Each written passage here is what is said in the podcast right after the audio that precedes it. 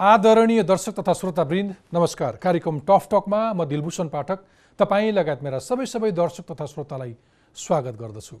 तपाईँ यो कार्यक्रम टफ टकको आफ्नो युट्युब च्यानलमा त्यसै गरी यस कार्यक्रमका प्रस्तुतकर्ता इन्टरफेस नेपालको web page Interface Nepal dot com र हाम्रो पात्रोमा हेर्न सक्नुहुनेछ। त्यसै गरी आयुष चलाउने श्रोताहरूले आइट्युन्स र एन्ड्रोइड चलाउने श्रोताहरूले नेपाली पडकास्टमा पनि टफ टक सुन्न सक्नुहुनेछ। यो साता जमिन हुँदै समुद्र पुग्ने बाटो अब भारत बाहेक चिनबाट पनि खुलेको छ।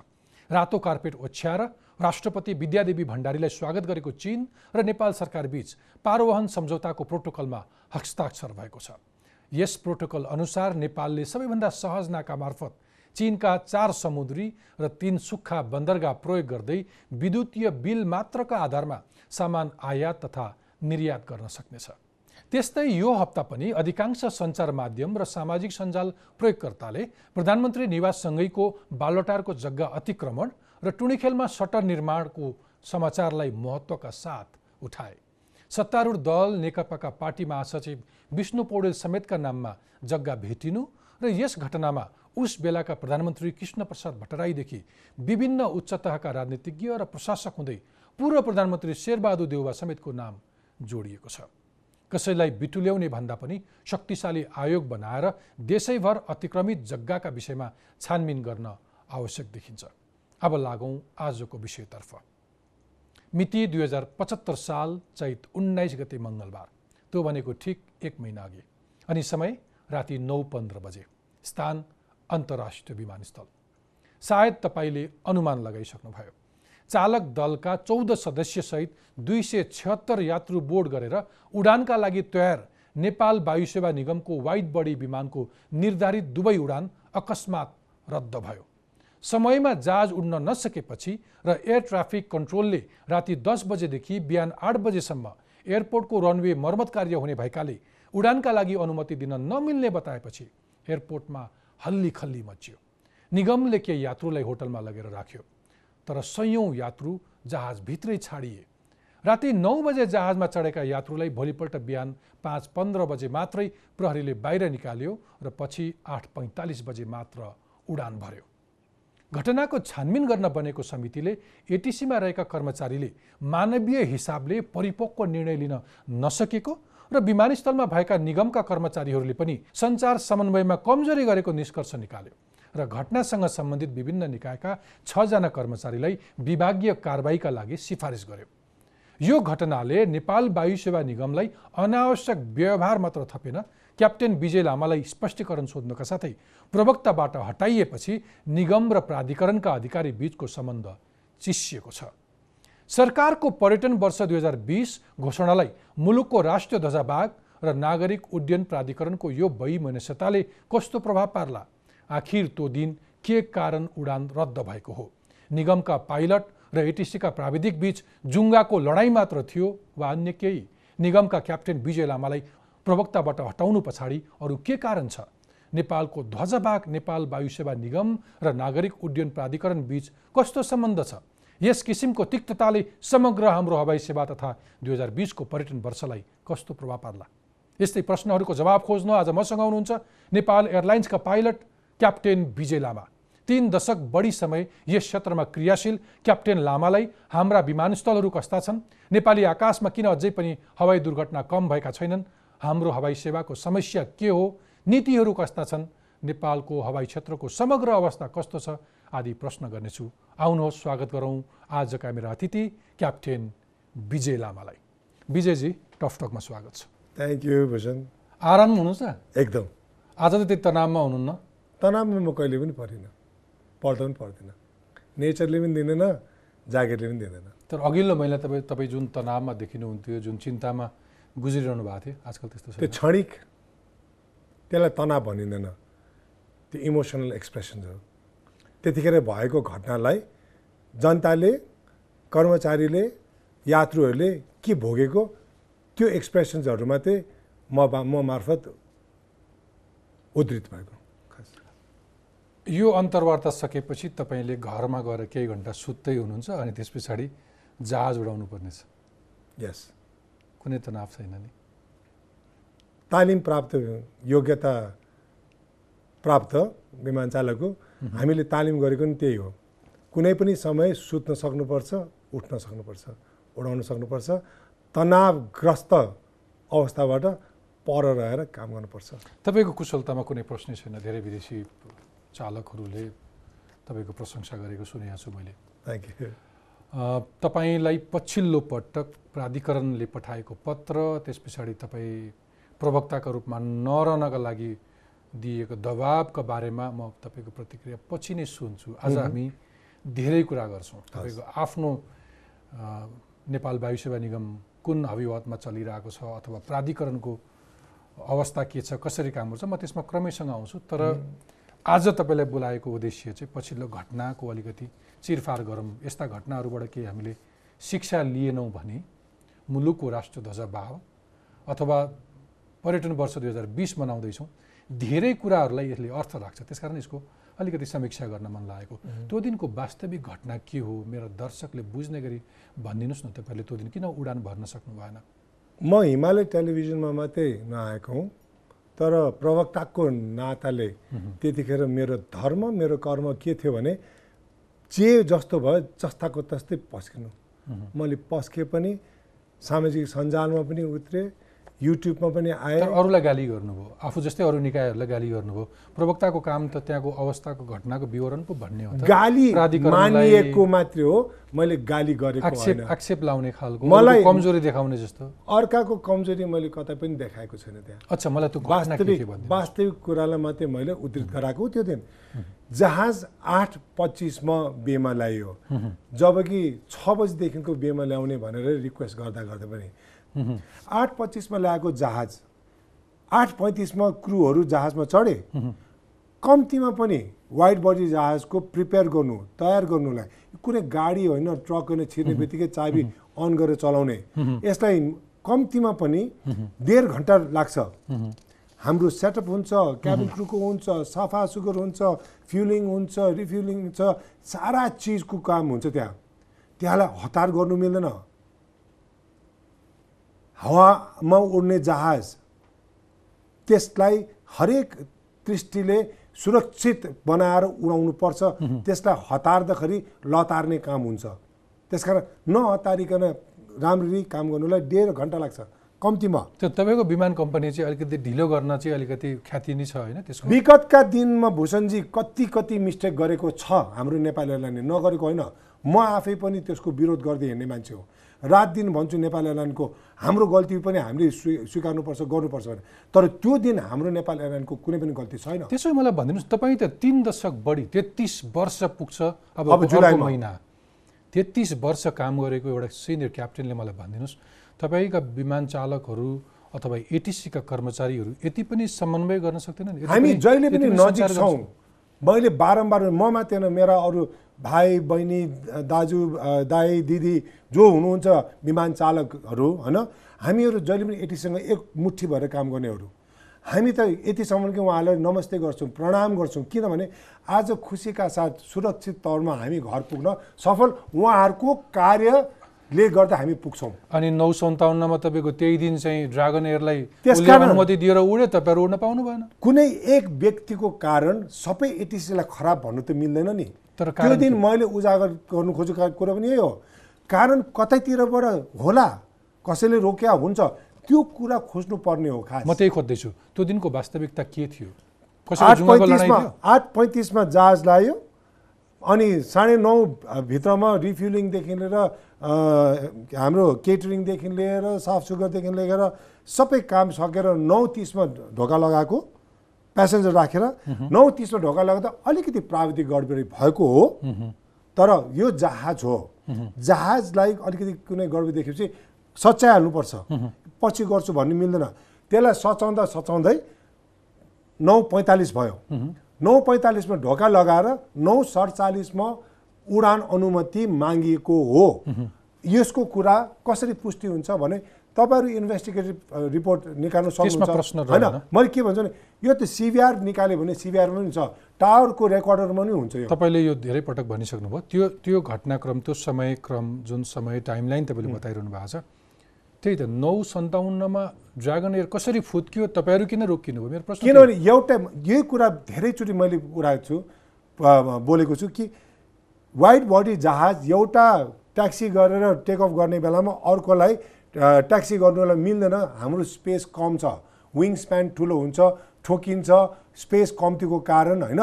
मिल्दैन भन्ने नियम छ। त्यो भनेको प्राविधिक रूपमा. बुझ्न प्राविधिक रूपमा अझै मेरो दर्शकले बुझ्ने गरी भन्नुहोस्। एकैचोटि उड्नलाई होइन अथवा एउटा उड्दै गर्दा अर्को जहाज चाहिँ निकालेर ट्याक्सी वेमा राख्नुलाई मिल्दैन। मिल्दैन किनभने ठुलो जहाज हो यो। तपाईँ इमेजिन गर्नु नौ सन्ताउन्नमा उड्दाखेरि उसले समय लियो। हजुर। होइन उसले उड्दा उड्दै होइन हामीले के भनेको थियो भने हामीलाई पनि उड्ने बित्तिकै हामीलाई अलिकति माथि दिएको भए के अरे उडेपछि मेरो क्याप्टेनले मलाई पुसप्याक देऊ उड्ने बित्तिकै चार मिनटभित्रमा त म एयरपोर्ट भइसक्छु भन्दा पनि दिएन। पछि दिने कि नदिने भन्दा भन्दै रोका भयो। भन्न खोजे कि कुनै जुङ्गाको लडाइँ थियो अथवा अलिकति इमेच्योर एटिसी म त एउटा कस्तो भयो भने मलाई जहाँ एटिसी अफिसर त्यो दिन जो हुनुहुन्थ्यो उहाँलाई पनि कुनै के आदेश हुनुपर्छ कि उड्नु नदिने जोसुकै होस् भनेर उहाँलाई भन्यो होला। होइन? न तपाईँको तपाईँको विमानलाई उड्न नदिनु कि दस बजे पछाडि दस नदिनु? पछाडि नदिनु भनेर आदेश थियो होला। म नेपाल एयरलाइनलाई ठिकै छ त होइन? त्यो ठिक हो। त्यो दसदेखि आठ त मर्मत समार गर्ने रनवे। जहाज एयरपोर्ट बन्द हुन्छ भन्ने सर्कुलर आइसकेको छ। तपाईँले पाइसक्नु भएको हो। उनले त सर उनले त धर्म पुरा गरे। होइन धर्म उनी त पक्का कर्मचारी उनले राम्रो तर तर उहाँले बन्द ठ्याक्कै गर्नुभयो नि त त्यो त। अब नो टाइम भन्ने चिज कसरी लाग्छ भनेदेखिलाई तपाईँ त्यही नो टाइममा जाने हुनुहुन्छ। दस बजी बन्द गर्ने हो भने काठमाडौँबाट जहाज पूर्व जाने जहाजहरू साढे नौ बजीभित्र उडिसक्नुपर्छ। किनभनेदेखिलाई पन्ध्र मिनट लाग्छ नेपालको हवाई क्षेत्र छोडेर के अरे भारतको हवाई क्षेत्र छिर्नलाई। जनक भन्ने पोइन्टबाट यदि त्यो पन्ध्र मिनटभित्र अगाडि कुनै जहाजलाई आपतकालीन अवस्था आएको भए कहाँ जाने? सबभन्दा त काठमाडौँ काठमाडौँ नै दस बजी बन्द गऱ्यो भने कहाँ लाने नि? त्यो दिन। त्यो त तपाईँले अगाडि नै कुरा टेक्निकल होइन। टेक्निकल कुरा यही हो। एकजनालाई छोड्दाखेरि त्यो तिन चार मिनट मिलाइदिँदाखेरि के बिग्रन्थ्यो? एउटा म त म त समय भनेपछि समय नै पक्षमा। हुँ दस बजे दस बजे नै हो तर त्योभन्दा अर्को पनि एउटा दृष्टान्त दिनुहोस् बरु कि तपाईँहरूको यो घटना घटिसकेपछि पछिल्लो पटक दुबई एयरला दुबईलाई चाहिँ म त्यो म तपाईँलाई दुबई चाहिँ के। गर्यो? सुन्नुहोस् न म खुसी छु आज म हामीले आवाज उठाएपछि आज जनताले दुःख पाएन किन दुःख पाएन भन्दाखेरि त्यसपछि त कतिवटा जहाजहरू त दस बजीपछि उडेको छ नि त। अनि राजकुमार छेत्रीज्यू हाम्रो जेन जेनरल म्यानेजर हुनुहुन्छ एयरपोर्ट उहाँले त भनिरहनु भएको छ मानवताको दृष्टिकोणमा हामीले छोडेको भनेर। त्यो दिन कहाँ हरायो त नेपाल एयरलाइन्सको प्यासेन्जरलाई? नेपाल एयरलाइनको प्यासेन्जर त्यो खाडी मुलुकमा जाने दाजुभाइ दिदी बहिनीहरू सर्वस्वलाई दाउमा राखेर जानुहुन्छ। यदि त्यो दिन नगएर कसैको जागिर फुस्केको भए अथवा कतै काम नपाएको भए को जिम्मेवारी हुन्थ्यो। यो पनि त हामीले बुझ्नुपर्ने अनि फेरि इन्टरनेसनल नर्म्स कुनै पनि जहाजमा एकचोटि प्यासेन्जर फेलअप भइसकेपछि कुनै न कुनै हिसाबले उनीहरूलाई फेसिलिटेट गर्छ। फेसिलिटेट गर्छ। सिम्पल एज द्याट तर त्यो पनि नगर्ने भनेपछि त अभियसली म त नेपाल यस्तो कुनै यस्तो यस्तो कुनै सङ्केत हो कि तपाईँहरू अरू बेला जुन हिसाबले आरामका साथ सुरैले गर्नुहुन्छ? अलिकति तातो लागोस् भनेर तपाईँले कुनै शिक्षा पाठ पढाउन खोजे हो एटिसीले त्यहाँ रेकर्ड हेर्नुहोस्। भोजनजी म तपाईँलाई आज प्रश्न गर्छु। तपाईँ यो कहिले लास्ट नेपाल एयरलाइन उड्नु भएको छ। पाँच छ महिना अगाडि। हो? हाम्रो टाइममा उडेको आज हामीले क्यान्सल नगरेको नाइन्टी फाइभ पर्सेन्ट हामीसँग रेकर्ड छ सम्झनुहोस्। मलाई सम्झनुहोस्। गएको दुई वर्षमा दुईचोटि चढेको छु। तपाईँको जहाज चढेर म, थाइल्यान्ड गएको थिएँ। तपाईँले चलाउनु भएको थियो। पछिल्लो पटक म दिल्ली गएको थिएँ। टाइममा उडे Absolutely on time. Absolutely हामी time. 95% Great service. 95% great service मेरा दर्शकले बुझ्ने गरी भन्छु अरू कुनै विमानभन्दा नेपाल एयरलाइन्सको अहिलेको विमानको सेवाको स्तरीय असाध्य साढे। तिन वर्षदेखिको खाना राम्रो छ। समयमा उड्छ व्यवहारहरू अझै पलिस गर्न बाँकी छ हुँदैछ तपाईँका परिचारिकाहरूको व्यवहार सुधार्न बाँकी छ तर टाइमिङ टाइम र खानाको क्वालिटी अब के त्यसमा। थ्याङ्क यू सो मच भूषणजी तपाईँले एप्रिसिएट गरिदिनु भयो मलाई भनिदिनुहोस् त्यस पछाडि त्यो घटना घटिसकेपछि तपाईँले यात्रुहरू कसरी व्यवस्थापन गर्नुभयो? ओ हाम्रो व्यवस्थापन त जहिले पनि ग्राउन्ड नै हामीले नै गर्ने। पहिलाभन्दा चुस्तता आयो तर यो नकारात्मक कुरा भन्दिनँ म त्यो जुन त्यो दिन जुन कुरा घट्यो त्यो कुराले आज धेरै चिजमा चुस्तता आएको छ। नेपाल एयरलाइनका कर्मचारीमा मात्रै होइन कि एटिसी अफिसर्सहरूमा पनि कस्तो समन्वय राम्रो भएर आएको छ। किनभने now people realise this is not a joke गजब। तर तपाईँहरूले बल्ल बल्ल सुधार्दै गरेको नेपाल एयरलाइन्सको जुन छवि थियो नि त्यसमा त यो घटनाले एउटा नमिठो तरिकाले हुन पाएन भूषणजी थ्याङ्क गड थ्याङ्क गड म भगवान्लाई धन्यवाद भन्न चाहन्छु। म यो नेपाल एयरलाइन्सको सिओ साहबलाई धन्यवाद भन्न चाहन्छु।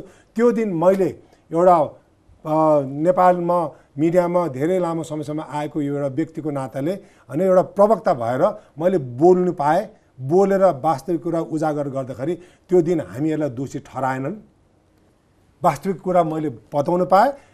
आम जनतामा यो कुरा पुगेर आज यति माया पाएको छौँ कि एउटा टिकट पाउनुहुन्न तपाईँ दिल्लीको टिकट खोज्नुहोस् बम्बेको खोज्नुहोस्। म भन्छु तपाईँ दोहाको खोज्नु। त्यो त त्यो त त्यो चाहिँ त्यसलाई अरू अर्थ नलगाउँ तर तपाईँले अघि भने जस्तै जेट एयरलाइन्स जेट एयरवेज अकस्मात बन्द हुनु अनि प्लस तपाईँहरूको सेवामा अलिकति स्तरीयता आउनु सायद त्यो होला तर म त्यो पनि लिन्छु। ओके। जनताको माया ओके। उहाँहरूको त अझै पनि अप्सन त छ नि त। ओके।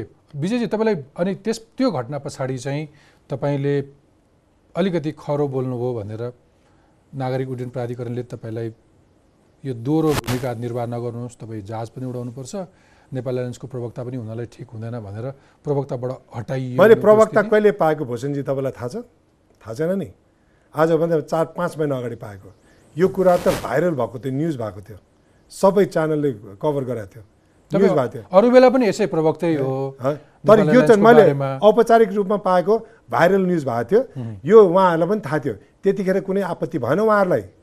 थ्री थर्टीको लाइसेन्स डे तिन हप्ता अगाडि मेरो एन्डोर्स गर्नुलाई उहाँहरूलाई डेढ महिना लाग्यो। त्यतिखेर पनि आपत्ति भएन उहाँहरूलाई। आपत्ति कहिले भयो भन्दा सत्य कुरा जनता समक्ष लाने बेलामा लगे।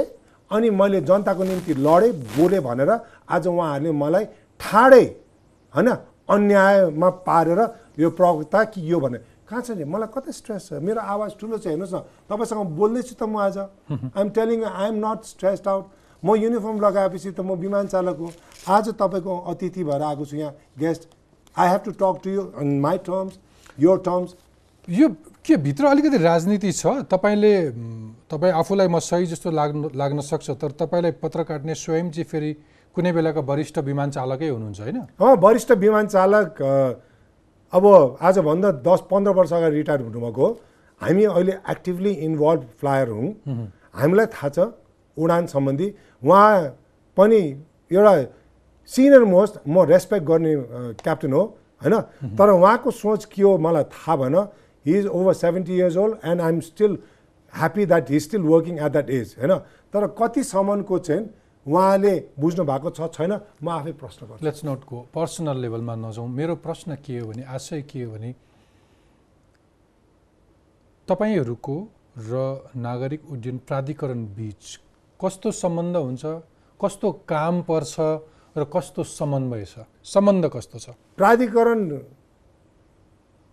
मेरो आँखा हो भने प्राधिकरणको लागि नेपाल एयरलाइन्स ढुकढुकी हो आज जे जति पनि भइरहेछ सुरुवाती दिनदेखि नै एभिएसन भनेको प्राधिकरण र नेपाल एयरलाइन्स एउटै परिवार भनेर सबैले मानेको कुरा हो।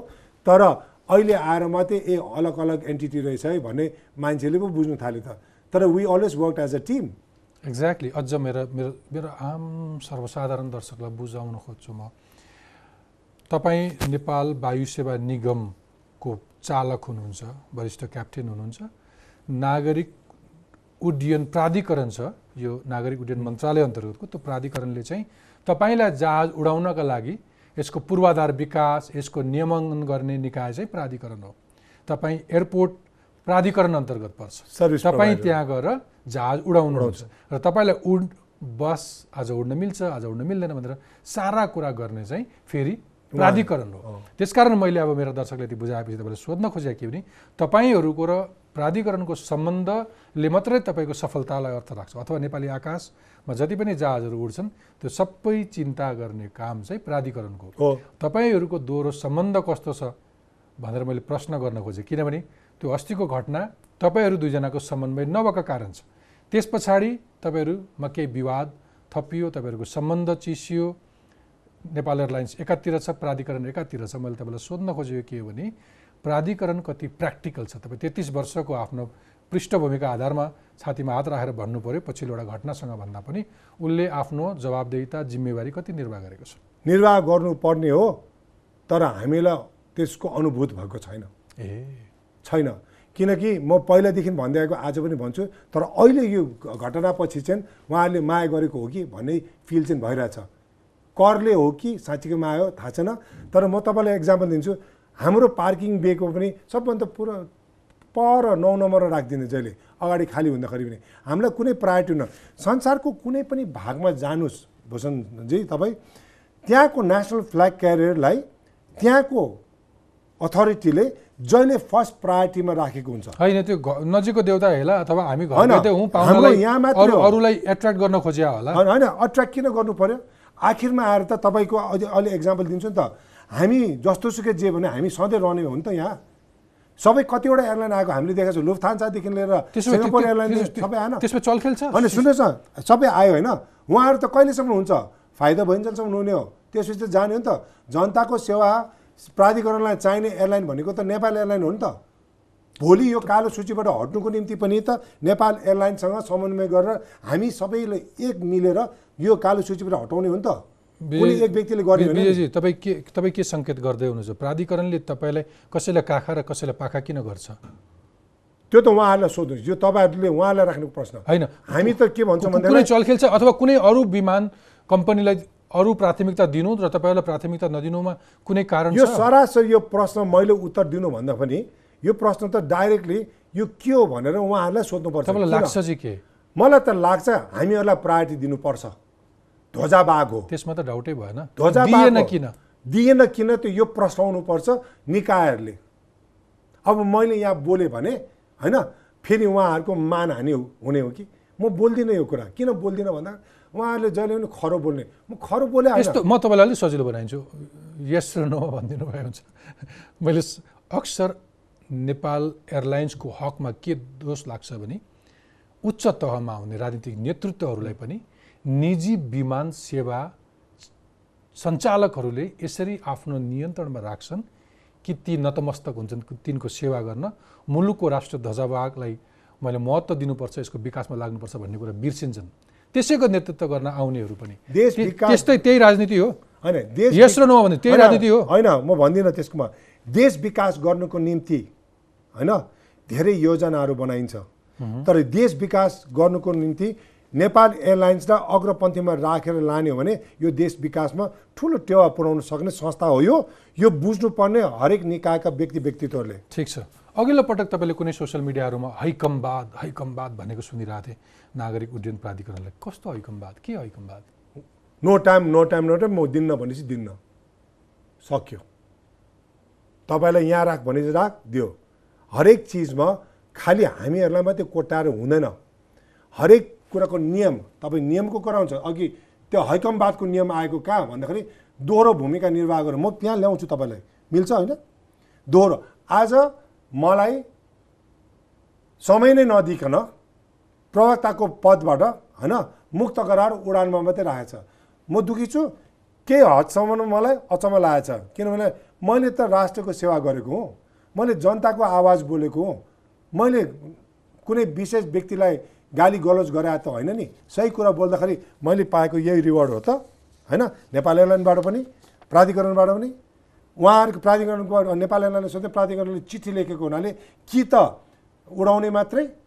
अनि यदि उडाउने लाइसेन्स एक्सर्साइज गर्ने हो भने चाहिँ प्रवक्ताबाट रिलिभ भएको हुनुपर्छ भनेपछि म त हेर्नुहोस् जन्मेको नै उडाउनुलाई हो। सेवा पुऱ्याउनुलाई हो। म खुसी हुन्छु जब मेरो जहाजमा त्यो यात्रुहरू खुसी भएर ठिक छ होइन। त्योभन्दा बाहेक त तपाईँ अरू बेलै प्रवक्ता जस्तो हुनुहुन्छ जतिखेर न म। त्यसपछि आएर तपाईँ यहाँ ल्याउँछु आएपछि उहाँहरूले होइन मैले खुसीका साथ लिएको छु त्यसलाई तर दबाबमा छुट्याएको छ नि त दोहोरो भूमिका भन्नुभयो उहाँले ए त्यसो भने नेपाल एयरलाइन्सभित्र अरू अन्य एयरलाइनहरूमा विमान चालकहरूले अफिस होल्ड गरेका छ कि छैन? त्यो दोहोरो भूमिका होइन? हामी फोकस्टै हुन खोजौँ। साँच्चै मनबाट भनिदिनुहोस्। तपाईँ तेत्तिस वर्षदेखि इन्टरनेसनल मात्रै गर्न थालेको कति वर्ष भयो? सोह्र। वर्ष तपाईँ इन्टरनेसनल मात्रै फ्लाइ 18 वर्ष। अठारै वर्ष भयो। ननाटिकन भनिदिनुहोस्। अरू कुनै विदेशी उडान इन्टरनेसनल फ्लाइट गरेर अरू इन्टरनेसनल एयरपोर्ट्सहरूमा ल्यान्ड गरेर अनि फर्केर आफ्नो देशमा फेरि ल्यान्ड गर्दाखेरि चाहिँ ओभरअल आफ्नो आफ्नो विमानस्थल कति व्यवस्थित लाग्छ आफ्नो इटिसी कति व्यवस्थित लाग्छ अथवा हामी कुन स्तरमा छौँ? ठ्याक्कै भनिदिनुहोस् न। दोष लाउनेले तपाईँको जहाजलाई मात्रै एक्काइसौँ। शताब्दीको हवाई सेवा हो अहिले। त्यहाँ पुग्नलाई धेरै बाँकी छ। तर यहाँ म एउटा सानो सन्दर्भ जोड्न चाहन्छु। समय धेर छैन। गर्न चाहे सबै हुन्छ किन हुँदैन? अहिले राम्रो भइरहेछ नि। धेरै विकासहरू गरिरहनु भएको छ। राजकुमारजीले सबले गरिरहनु भएको छ। हुँदो रहेछ नि। एउटा समय थियो काठमाडौँमा छिर्दा कालो कुवामा छिरे जस्तो लाग्थ्यो लोड सेडिङको कारण। कुलमान घिसिङज्यूले लोड सेडिङ मुक्त गराएपछि आउनु नै आनन्द लाग्यो। हेर्नुहोस् इज्जत त्यसरी बढ्दै जान्छ। अब रनवे बनाउँदैछ भन्नुभएको छ उहाँले। भोलि सेन्ट्रल लाइन राखेपछि अझै खुसी हुन्छौँ होला हामी। होइन बाँकी धेरै छ। तर स्ट्यान्डर्ड पुगेको छैन। तर स्ट्यान्डर्ड पुगेको छैन भनेर फेरि यहाँ चाहिँ ल्यान्डै गर्नु नहुने यो खतरा भनेर जुन बाहिर बाहिर मान्छेले बोल्छ नि त्यो पनि नभनौँ। किनभने जति दिनुपर्ने फेसिलिटिज पुगेको छैन फेसिलिटी गर्नु कोसिस भइरहेछ। हुन्छ होला अब हाम्रो नयाँ विमानस्थल आइरहेछ। Definitely we will be there okay अब मलाई यो अरूको त सजिलो हुन्छ। आफ्नो आफूलाई पनि झाकौँ न। तपाईँको आफ्नो एयरलाइन्सभित्रको व्यतिथिको पनि कुरा गर्न मन लाग्यो। कुनै एउटा समय चाहिँ तपाईँको एयरलाइन्स भनेको चाहिँ नेतृत्वमा पुग्नेहरूको आसे पासे नजिकका मान्छेहरूको भर्ती केन्द्र जस्तै थियो होइन नेपाल एयरलाइन्स? थियो हन्ड्रेड पर्सेन्ट थियो। अब त्यो गर्ने समय छैन पनि। त्यो दोहन चाहिन्छ नि त। त्यो त्यो दोहन अझै जारी छ कि छैन? कसैका अहिले आशा- कडा भन्दा कडा निगरानीका साथ लिने गरेको भनेर हामीले पनि खबर पाइरहेका छौँ। ए, कसैको पुच्छरले आजभोलि त छैन। कोसिस चाहिँ छ होला नि। संस्था हो। नेपाल एयरलाइनमा मात्रै त्यस्तो होइन नि। संस्था त नेपालको हरेक संस्थामा त्यस्तो हुन्छ। फोर्स लगाउनु त आइरहन्छ नि। तर हाम्रोमा त तपाईँले हेर्नुपर्छ we are budget tight okay. त्यसले गर्दा गर्नु मिल्दैन। ओके। अब एउ- एउटा सन्तोषको कुरा चाहिँ छ। अघिल्लो पटक चाहिँ तपाईँले मसँग पनि गुनासो गर्नुभएको थियो अधिकतम कि मुलुकका प्रधानमन्त्री केपी शर्मा ओलीले राष्ट्रिय ध्वजाबाग विमान नचढेर कुनै निजी कम्पनीको एउटा कुनै जहाज चढेर आफ्नो राजकीय औपचारिक भ्रमणका लागि चिन जानुभयो। तर कमसेकम यो पटक चाहिँ राष्ट्रपति विद्यादेवी भण्डारी चाहिँ आफ्नै ध्वजाबाग चढेर जानुभयो। त्यसले केही सङ्केत गर्छ तपाईँहरूलाई केही यो त? पहिलोचोटि होइन भूषणजी त्यसपछि त सबै राजकीय भ्रमणमा हाम्रै जहाजमा भ्रमण गर्नुहुन्छ हाम्रा नेताहरू। म त्योभन्दा खुसी गर्वको कुरै गर्नु छैन। राम्रो होस् या नराम्रो आफ्नो त आफ्नै हुन्छ नि। त्यतिखेर हाम्रो प्रधानमन्त्रीज्यूको चाइना भ्रमणमा एउटै कुरोले मात्रै म विचलित भएको थिएँ। के भन्दाखेरि प्रुभिङै फ्लाइट नगरेको जहाज त्यसमा पनि विदेशीले उडाएको जहाजमा सवार हुँदाखेरि प्रधानमन्त्री त हाम्रो हो नि राष्ट्रपति त हाम्रो नि। उहाँलाई सुरक्षित तर्नु उडाउने धर्म कर्म र हाम के अरे रेस्पोन्सिबिलिटी त हाम्रो हो नि। हामीलाई हामीले पाउनुपर्छ भन्ने माग राखेको। उहाँहरूले दिनुभएको छ त्यसमा त मलाई कुनै अहिले दुई मतको कुरै छैन नि। खुसी छु म त। राष्ट्रपतिज्यूको त यो सेकेन्ड भिजिट हो यो यसमा त्योभन्दा अगाडि पनि मैले हाम्रो पहिलो गणतन्त्र नेपालको राष्ट्रपति रामवरण यादवज्यूको ब्या ब्याङ्ककबाट फर्केर आएको बेलामा सेतो पार्टी डट कममा आर्टिकल लेखाएको थिएँ। राष्ट्रपतिज्यू के हाम्रो ध्वजाबाग चढे के बिग्रन्थ्यो भनेर लेखाएको थिएँ। म त जहिले पनि लड्ने मान्छे त्यसो। भए मलाई भनिदिनुहोस् तपाईँ चाहिँ एउटा लाउडादेखि लिएर वाइट बडी घोटालासम्मको साक्षी पनि त्यो सबै गन्ध सुङ्न पाउनुभयो तपाईँले। त्यस पछाडि नेतृत्वमा आउने सबैले उही निजी कम्पनीहरूको खातिरदारी गर्ने त्यो एउटा राष्ट्रिय ध्वजाबाग कम्पनीलाई चाहिँ लुट्ने मात्रै त्यो चलन चाहिँ अब कम भएको हो। अलिकति अलिकति ध्यान चाहिँ जान थालेको छ धेरै ध्यान जान थालेको छ। पहिलाभन्दा धेरै ध्यान गएको छ। गएको हुनाले नै आज चारवटा नयाँ जहाज छ। अट्ठाइस अट्ठाइस वर्षसम्म जहाज नलाएको हाम्रो प्रधानमन्त्रीज्यूहरूको समयमा नै सबै चिज आएको हो। र अहिले गणतन्त्र नेपालमा नयाँ जहाजहरू आएर नेपाल एयरलाइनको मुहारमा परिवर्तन आइरहेको? तपाईँले देख्नु भएको छ। त्यहाँभित्रका मान्छेहरू कति कम्पिटेन्ट छन्? किन छैनन्? जति प्रोफेसनल छन्? छन्। अहिले नयाँ युवा पिँढीहरू त एकदमै एजुकेटेड मासहरू छन्। त्यसो भए तपाईँलाई लगानी कोष र सञ्चय कोषको किस्ता तिर्न किन गाह्रो भइरहेछ त? ऋण छ होइन? ऋण छ नि।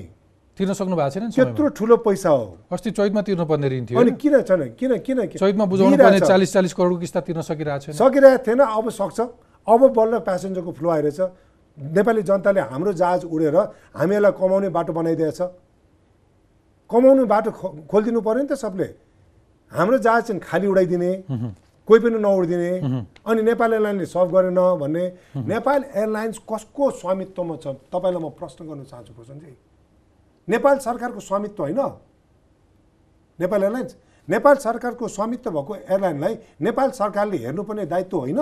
मैले तिरेको प्रत्येक करको एक एक पाइ पाइ त्यहाँ जोडिन्छ। हो। त्यहाँ जान्छ। करदाता तपाईँले तपाईँले भ्रष्टाचार गर्नुभयो अथवा तपाईँले त्यो संस्थालाई अन्याय गर्नुभयो भने मलाई मैले तिरेको। करमा तपाईँले मलाई अन्याय गर्नुभएको छ। मलाई झुन्डाउनु पर्छ कर्मचारीदेखि लिएर त्यो संस्थापक को को छ त्यहाँ? यदि त्यसमा भ्रष्टाचार भएछ भने झुन्डाउनु पर्छ म भन्छु छोड्नु न। अब ठिक छ। तपाईँले तपाईँले अलिकति अलिकति सकारात्मक एउटा कुनै उज्यालो केही देखाइरहनु भएको थियो कि अब नेपाल वायु सेवा निगमले आफ्नो ऋण तिर्छ? तिर्छ। त्यसमाथि पनि जेट एयरवेज जस्तो विमानहरू आउन नआउनु एउटा अवसर पनि हो। अवसर हो।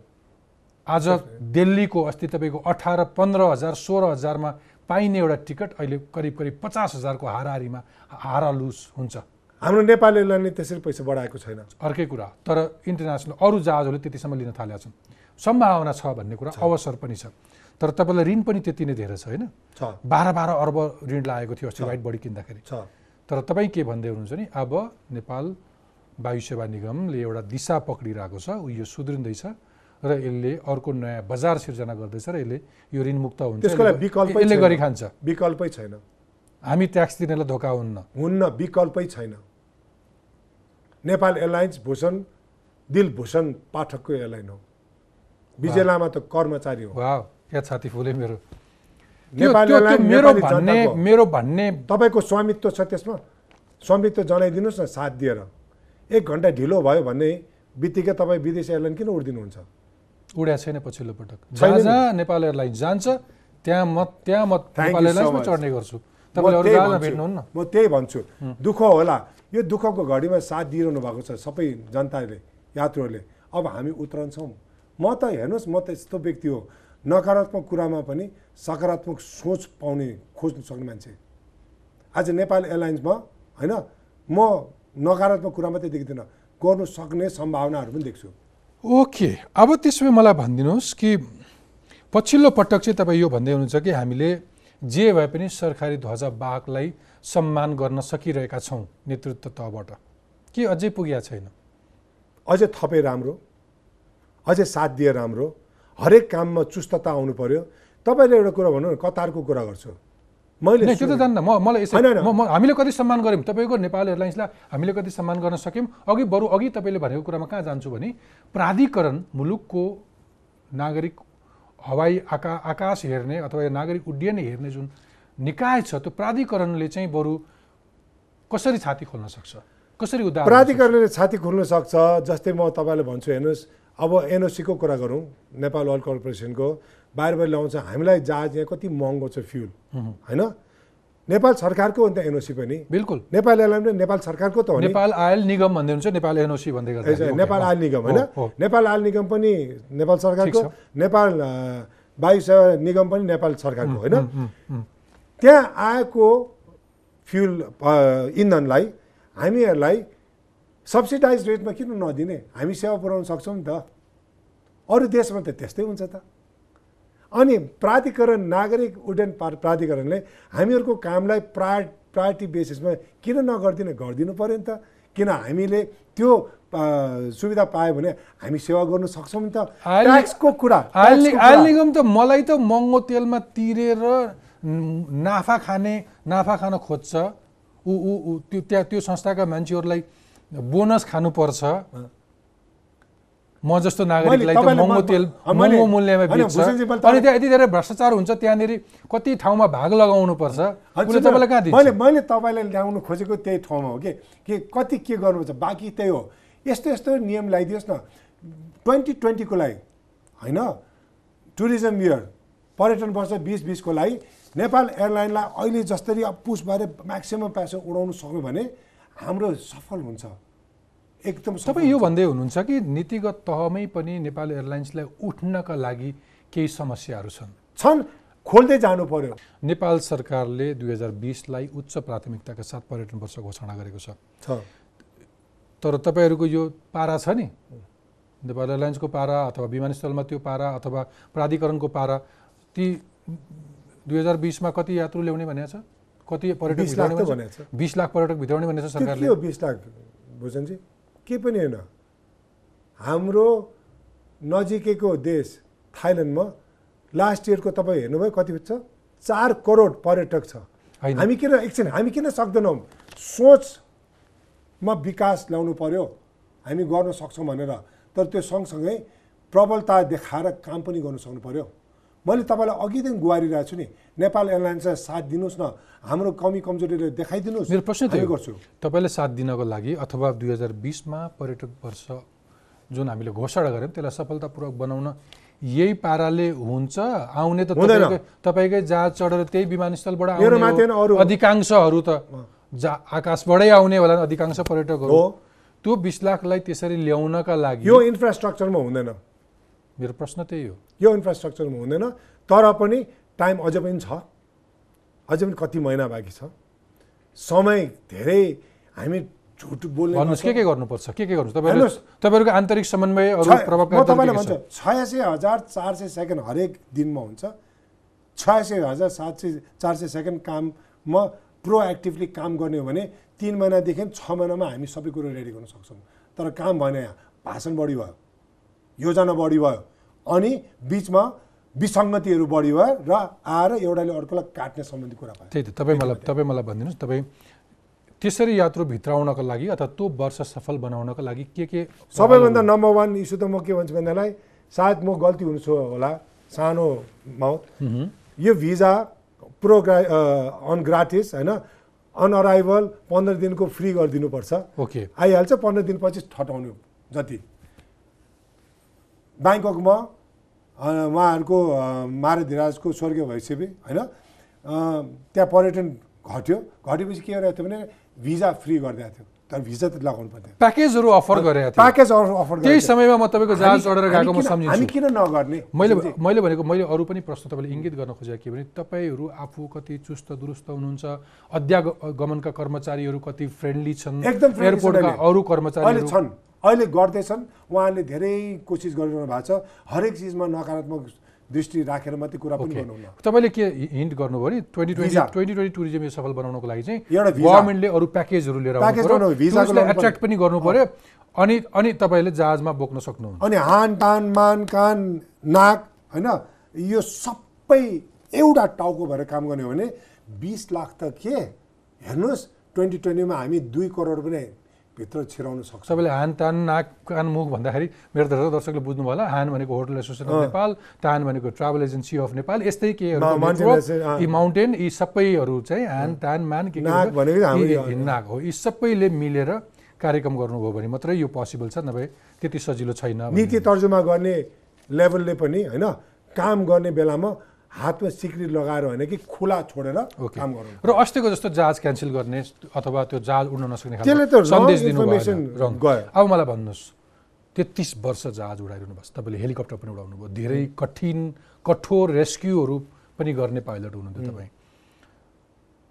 के विङ्सदेखि फिक्स्ड विङ्ससम्म भन्नुहुन्छ तपाईँ? फिक्स विङ त्यही किन अहिले एयरबस थ्री त्यहाँसम्म। तर आजको दिनमा नेपाली आकाश सुरक्षित हुने दिशामा छ? कुनै रूपमा? कि यो यो यो दुर्दशा रहिरहन्छ? भूषणजी म कतिचोटि बोलिसकेँ नेपाली आकाश असुरक्षित कहिले पनि छैन। त्यो ठाउँमा उडाउने हामीहरू त्यो उडाउने नीति बनाउनेहरू त्यो स्पेस क्रिएट गर्नेहरूको समन्वय नपुगेर कतिपय कमी कमजोरीले गर्दा त्यहाँ दुर्घटनाहरू भएको हो। म आफै पनि भन्छु एउटा विमान चालक भएको नाताले हामीहरूमा पनि कति कमी कमजोरीहरू छ। कानमा पनि सबैमा छ। अब यो सबै कुरालाई त अघि भने नि सफल टु ट्वेन्टी ट्वेन्टी बनाउनु जस्तो हामीहरू सबै टाउको घोटेर बनाउने टाइम तप- तपाईँ स्केप नगर्नुहोस् है। त्यसो भए तपाईँले। तपाईँ तपाईँले यहाँ पनि सङ्केत गर्दै हुनुहुन्छ कि त्यसो भए नागरिक उड्डयन प्राधिकरणको अरू दक्षता अथवा अरू प्रभावकारिताले अरू सुरक्षित हुन्छ? हाम्रो आकाश र पछिल्ला दुर्घटनाहरूमा केही कमजोरीहरू त्यहाँ रह्यो भन्दै हुनुहुन्छ? नागरिक उड्डयन मात्र होइन यो ह्युमन एरर हो। यसमा सबैको हुन्छ कुनै पनि दुर्घटनाको पछाडि एउटा कुरोले मात्रै दुर्घटना हुँदैन भूषणजी। यो इट इज अ प्याकेज एउटा प्याकेज हो। यसमा सबैको गल्ती हुन्छ कमी कमजोरी हुन्छ अनि एउटा ठाउँमा आएपछि अब धान्नु नसक्ने अवस्थामा आएपछि बुडुङ्ग जाने हो। त्यति हो। त्यसकारण क्यानलाई मात्रै दोष दिनु गलत हो। आज फेरि मैले क्यानलाई क्यान भनेको फेरि मेरो दर्शकलाई भनिदिउँ कि सिभिल फेरि अँ, बिजुलीमा सिभिल। डराएर यस्तो भन्यो होइन। सत्य कुरा सत्य नै हुन्छ। उहाँहरूले पनि धेरै मेहनत गरेर अहिले यो स्थानमा आइपुग्यो। अझै काम गर्नु बाँकी छ। हामीहरू पनि काम गरेर यो स्थानमा आइपुग्यो अझै बाँकी छ। तर त्योभन्दा पनि फन्नी कुरा चाहिँ के छ भने जति पनि हवाई दुर्घटनाहरू हुन्छन् र त्यसको छानबिन गर्नको लागि कुनै एउटा समिति बनाइन्छ र त्यसले दिएको प्रतिवेदनलाई कसैले पनि एक शब्द पढेर त्यसलाई महत्त्व दिँदैनन् कानमा तेल हाल्छन् होइन? कुनै प्रतिवेदन कार्यान्वयन भएको छ? कसैले त्यो त हामी नेपालीहरू सम्पूर्ण नेपालीहरूले बुझेको कुरै हो। देखिरहेको कुरा हो। अब त्यहाँ घचघचाउने ठाउँमा भूषणजीले यहाँ बोलाइदिनुहोस् उहाँहरूलाई त्यो निकायका व्यक्तिहरूलाई ल बोलाएर किन यस्तो व्यक्तिहरूलाई राख्नुभयो? किन यस्तो व्यक्तिहरूबाट प्रतिवेदन आइयो? र त्यो प्रतिवेदनलाई तपाईँहरूले के गर्नुभएको छ भनेर कस प्रश्न राखिदिनुहोस् न। त्यसो हो अनि त्यसको उत्तरपछि त्यसको प्रतिक्रियामा के दिनु हो अनि त्यो हामी बोल्छौँ। पछिल्लो पटक स्वयं पर्यटन मन्त्री हुनुहुन्छ त्यत्रो विमान कम्पनी चलाउने त्यस संस्था यति एयरलाइन्सका अध्यक्ष हाङछेरिङजी आफै हुनुहुन्छ उहाँहरू भएको चपर कसरी दुर्घटना भयो? मैले त यही प्रश्न एडिसीलाई रा के अरे क्यानलाई राखेको थिएँ नि त। त्यहाँ पनि उहाँहरू रिसाउनु भयो क्यारे मसँग। तेह्रथुमबाट काठमाडौँ उड्नुपर्ने जहाज कसरी पाथिभर गयो कसले चाहिँ अनुमति दियो कुन अनुमति अनुसार चाहिँ त्यहाँ उड्यो भने मैले प्रश्न गरेको थिएँ। प्रश्न राख्नु पाइन्छ कि पाइँदैन? पर्यटन मन्त्रीको दबाब खेप्न सक्नु भएन होला। उहाँले के भन्नुभयो त्यो त मलाई थाहा छैन। त्यो नथाहा पाएको कुरामा मैले बोल्नु भनेको ऊ फेरि अर्को विवाद चर्काउनु म गर्दिनँ। तर त्यस्तो दुर्घटनाहरू चाहिँ कसरी हुन्छन्? त्यसको कारण के हुन सक्छ? नियम यहाँ त हामी नियम निमाय नियामक के निमायक नियामक- नियामक निकायहरूले। नियमलाई सही ढङ्गले पालना गराउने बाटो खोलिरहनु भएको छ नि। अझै त्यसलाई तीव्र गतिका साथ कडा गरेर रोकिदिने। विमान चालकहरू पनि आफ्नो नियमभन्दा बाहिर ननिक्लने। फोर्स गर्ने मान्छेहरू पनि ए होइन है उहाँहरू त प्रोफेसनल हो हामीले कर गर्नुहुन्न है भनेर बस्ने। अनि जनताहरूले पनि यस्तो त नगरौँ आज नउडे भोलि उडिन्छ है त्यस कारण पुस नगरौँ यो त आधारहीन अवस्थामा उड्ने जहाजहरू हो होइन। त्यस कारण हामीले मान्नुपर्छ भनेर गर्ने हो भने यो देशमा कुनै क्रासै हुँदैन। यी बाहेक यी बाहेक अरू छिद्रहरू के के छन्? नेपालको आकाशमा अथवा यहाँको हवाई सेवा। विकास गर्न धेरै बाँकी छ तर पहिले हामीहरूले सुरु गर्ने बेलामा जस्तो नेपालको हवाई व्यवस्था थियो त्योभन्दा धेरै सुदृढ भइसकेको छ होइन? सुधार आइसकेको छ। अब आगामी दिन त म पर्खिरहेको कहाँ छु भने लुम्बिनीको हाम्रो हवाई ऊ हो त्यो पोखराको अनि जहाँसम्म लाग्छ निजगढ। आहा पुगिहाल्यो नि त्यति भए त। समय सिद्धियो। जाँदा जाँदै केही भन्नुहुन्छ तपाईँ? जाँदा? जाँदा धन्यवाद तपाईँहरू सल्युसन दिनुभयो फेरि जाँदा म भन्छु आजसम्म मैले कुनै पनि ठाउँमा कसैलाई पनि पर्सनली गाली पनि गरेको छैन गर्ने व्यक्ति पनि होइन। म जहिले पनि सिस्टमको कुरा गर्छु सिस्टम सुधारे सबै राम्रो सुध्रिन्छ भनेर। म त्यो ठाउँमा छैन कि ब- भ्रष्टाचार अ, लाई निर्मूल गर्छु भन्ने। म त भ्रष्टाचारी छ भने हाम्रो एयरलाइनमा देखाइदिनुहोस्। म के अरे कारबाहीको दायरामा ल्याइदिन्छु भन्ने व्यक्ति हो। माया गरिदिनु भयो भूषणजी बोल्ने मौका दिनुभयो। एउटा नेपाली नागरिकको हैसियतले प्रवक्ता होइन क्या? नागरिकको हैसियतले संविधानले मलाई दिएको अधिकार मैले युज गर्न पाएँ। विजयजी तपाईँको महत्त्वपूर्ण समय र विचारका लागि धन्यवाद। तपाईँको उडान सधैँ सफल रहोस्। तपाईँलाई त्यही शुभकामना। Thank you so much Thank you. Thank you